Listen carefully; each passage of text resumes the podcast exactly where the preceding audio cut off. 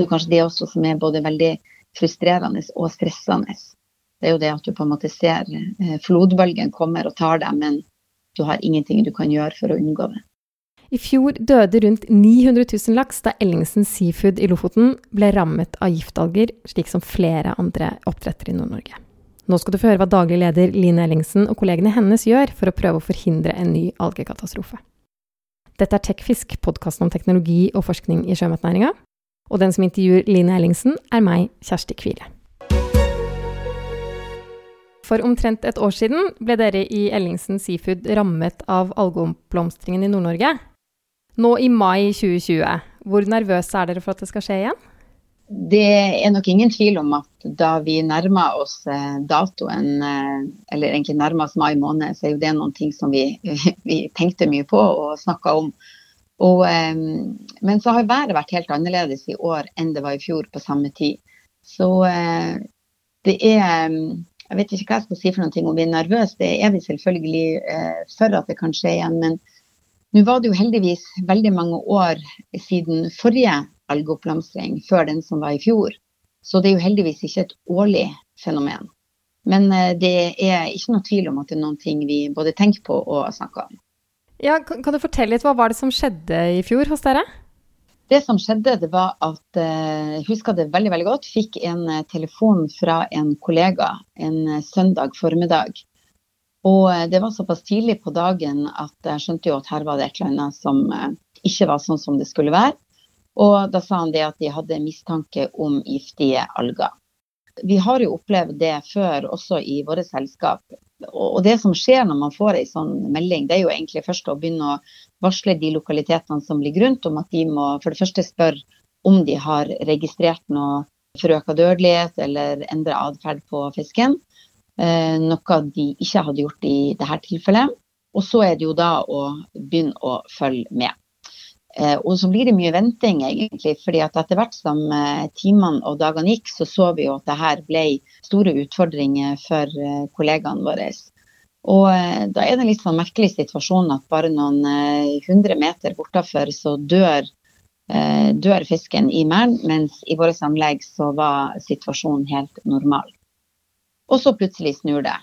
Og egentlig ganske nøyaktig ei uke etter at jeg fikk den telefonen om at det var mistanke om giftige alger, så opplevde vi at fisken også i våre anlegg begynte å gå opp i overflata. Eh, åpenbart eh, noe som plaga den. Gjellene fikk ikke luft, og etter hvert så dør fisken. Hvordan opplever du det, da? Nei, det er jo eh, en eh, litt sånn maktesløs situasjon. For det første så går vi og venter på at noe kan skje, og er hjelpeløse i forhold til at det er veldig lite vi kan gjøre med situasjonen. Det er ikke bare å, å eh, slepe merdet unna eller begynne å flytte på fisk, fordi at vi vet ikke helt hvor algene er. Det er jo litt sånn en usynlig fiende under vann som, eh, som kan egentlig være hvor som helst. Og, eh, men aller verst er det jo selvfølgelig for de som er ute på lokaliteten og som etter hvert får en veldig krevende situasjon med å ta hånd om all den døde fisken, som de har brukt mange mange timer på å fôre opp. Og det er jo husdyrene våre som vi er glad i. og, og så det er, det er, ganske tøft altså, for de som står helt tett på i en sånn situasjon. Hvor mye fisk var det dere mista? Vi mista jo først eh, ca. 700 000 eh, fisk som døde eh, på en lokalitet. Og der eh, var det jo noen få individer som overlevde i hver, i hver merda, etter hvert som vi fikk oversikt over situasjonen. Og det gikk jo ganske fort, så selve dødeligheten den går rimelig kjapt. Men så er det jo den her med å få rydda opp, og, og, hva gjør du med den fisken som står igjen, og prøve å få samla den og få en oversikt over den. Så, eh, så 700 000 var det vi mista først. Så evakuerte vi jo en hel lokalitet. Det blir jo også litt sånn at hvor smart det er, det vet man jo egentlig, får vi jo egentlig aldri vite. Vi berga jo fisken, det gjorde vi, men, men uh, den hadde det ikke så bra når den ble flytta. Den ble stående trangt og, og trivdes nok uh, ikke så godt. Og så mista vi et smoltutsett på jeg tror det var 200 000 fisk som døde. Så det vi mista totalt, da, det var 700 000 fisk som var i ferd med å skulle slaktes på høsten, og 200 000 som var nyutsatt smolt. Hva betyr det i penger, da? Ja, det er jo det som alltid er veldig, veldig vanskelig å svare på. fordi at én ting er jo den direkte omsetningsverdien av fisken. Men det som kanskje vi er mer opptatt av, det er jo den aktiviteten som vi mista. De 700 000 det var jo fisk som skulle slaktes eh, utover høsten. Og, så det vi gjorde, var at eh, den fisken som vi hadde stående igjen på andre lokaliteter, den produserte vi større. Hadde veldig, veldig god dialog med eh, fiskeriministeren og myndighetene for øvrig. Eh, Fiskeridirektoratet, Havforskningsinstituttet. Men eh, fiskeriministeren og Fiskeridirektoratet i forhold til det med å, å kunne få lov til å produsere den fisken vi hadde stående i sjøen, større enn det vi normalt sett ville ha gjort. Sånn at vi fikk mest mulig kilo og slakt og minst mulig permitteringer på slakteriet. Men konsekvensen blir jo for det første et, et, sånn sett et direkte tap i forhold til at vi mista den fisken som, og de kostnadene som er knytta til den. Men så har den jo en omsetningsverdi.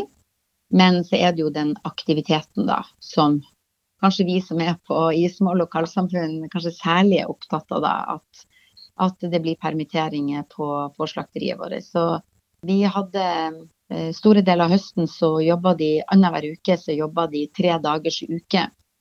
Rett og slett for at vi skulle klare å ha mest mulig fisk og tøye den lengst mulig frem til jul. Og at eh, vi også klarte å levere mest mulig på kontrakter.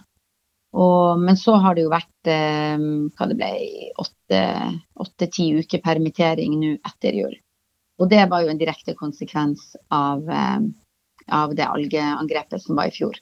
Sånn at det som er selv om at dette skjedde for et år siden, så vil jo også 2020 være sterkt prega for vår del av det som skjedde i fjor. Da. Det høres ikke ut som noe man har lyst til å gjenta. Hvordan er dere forberedt nå om dette her skulle skje igjen? Ja, det er jo det som er veldig vanskelig. Det ene det er jo å finne ei, eh, en type kartlegging av, eh, av, hvor er algene og hvor går de henne. Og det vi gjorde i fjor, da, det var jo at vi hadde etter hvert prøvetaking i regi av Havforskningsinstituttet. Og at de også hadde en prediksjon av hvor algene kunne gå, hva var forventa eh, spredning.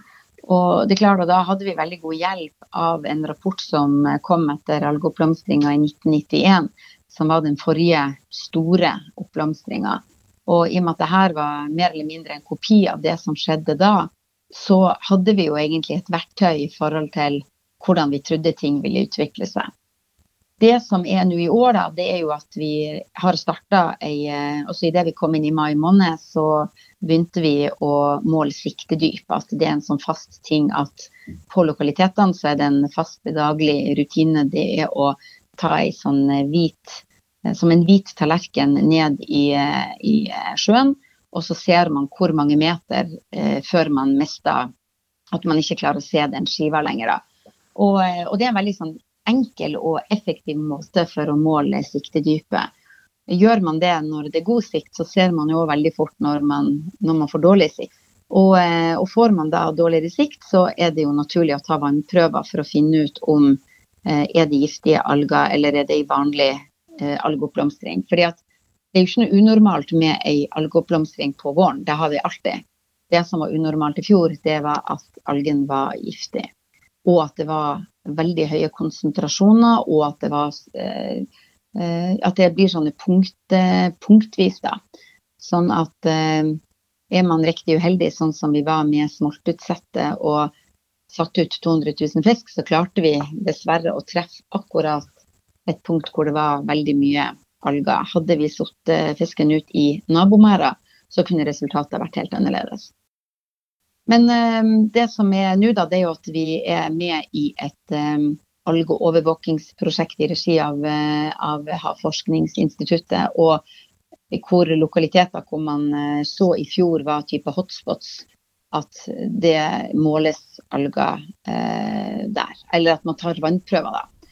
Også for å se hvordan ting utvikler seg. Jeg ser Det er satt i gang forskningsprosjekter, og dette med altså, Havforskningsinstituttet som har informasjonsside for algeovervåkning.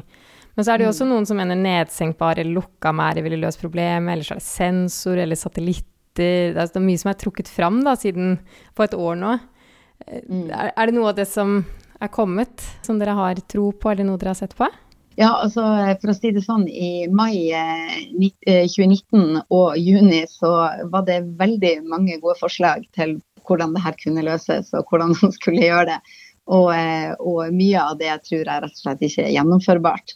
Eh, men når det er sagt, så er det klart at eh, det er jo viktig å få på plass ei god algeovervåking. Men jeg tror nok at det her er ikke noe quick fix. Jeg tror nok at vi må ha litt is i magen og bruke litt tid og se hvordan det her skal gjøres. Men det er klart at det som er viktig for oss, det er jo å få for det første vite om det er alge eller ikke, og hvis det er alge, er den giftig eller ikke. Og er den giftige vite hvor den går. Det er jo på en måte de tre tingene som er, som er viktige for oss. Eh, og kan gjøre valg ut ifra det. Enten at vi f.eks. slakter ut en lokalitet hvis man forventer at det her kommer i algeoppblomstring, eller at vi forsinker et smoltutsett hvis det kan være mistanke om at algene er akkurat på den lokaliteten der vi har tenkt å sette ut. Og så er det jo også den transporten underveis, at man kan jo risikere å gå gjennom et algebelte.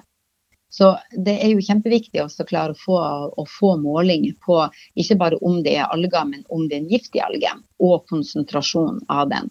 Så jeg tenker at det er ganske komplisert.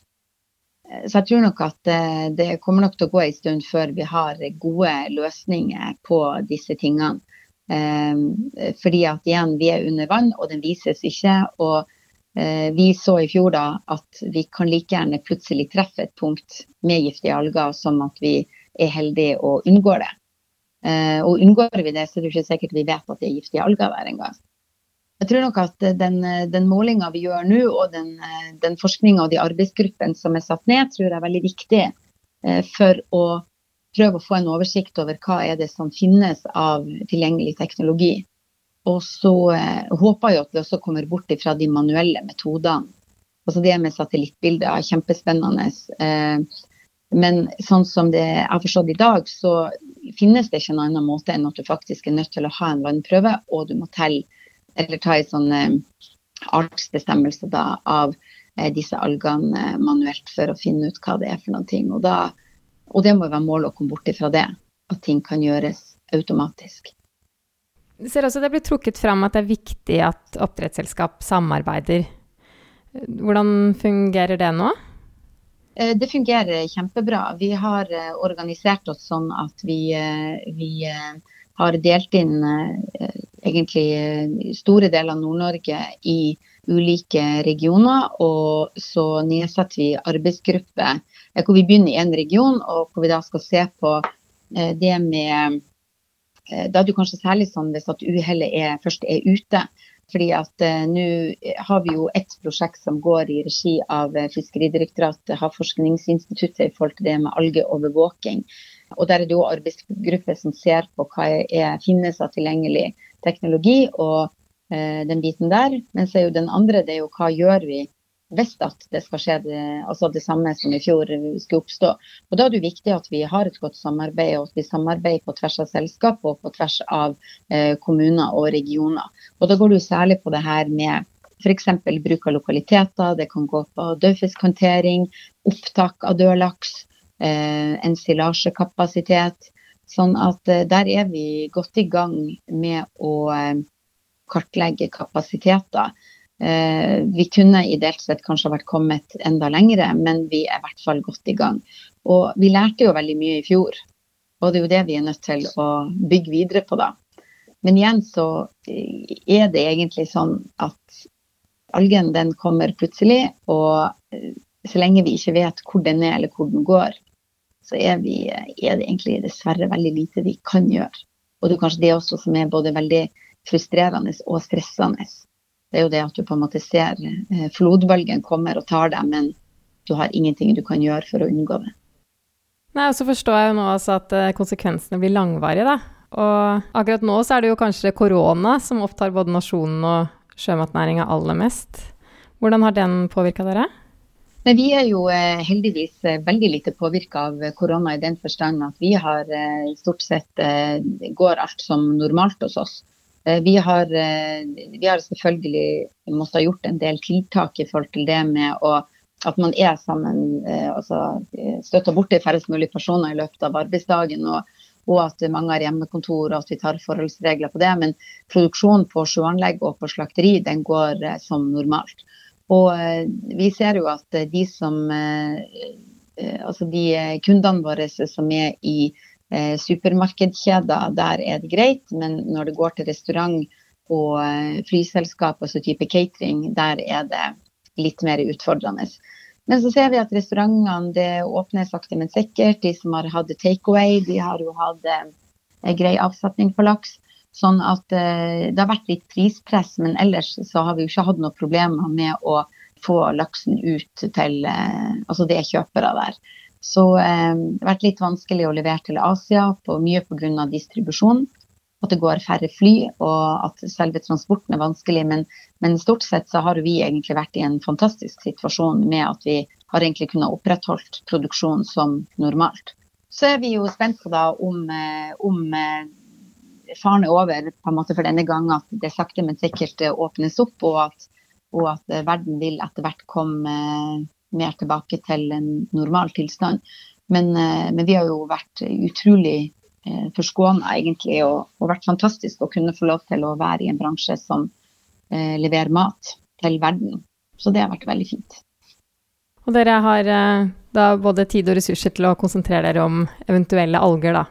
Ja, egentlig så har vi jo det, fordi det har blitt mye mindre reisevirksomhet. Og, og, det er jo, med det sparer vi jo mye tid, selv om at savner jo det å kan få lov til å diskutere med gode kollegaer i, i, på møter og sånne ting. Så, så har det jo ikke vært eh, har det også vært helt greit å få lov å være helt i ro og hjemme og konsentrere oss om ting som, som vi kanskje ellers ikke tar oss tida til å sette oss ned og, og gjøre. Men akkurat den algeberedskapen det er jo et prosjekt som har pågått nå over ganske mange måneder. sånn at eh, Først var det jo egentlig altså Det snakka vi om da vi sto midt oppi det i fjor eh, vår, at det her er vi bare nødt til å, å på en måte bygge videre på og organisere oss bedre. Og, eh, og, eh, det, og, det, har vi gjort. Det er bare at vi måtte få hodet over vannet først, og så er vi i full gang. Så der, der det jo, pågår det jo en, en viktig jobb. Dere får ha lykke til med det. Takk skal du ha. Tusen takk skal du ha. Du har nå på Tekfisk, podkasten om teknologi og forskning i sjømatnæringa.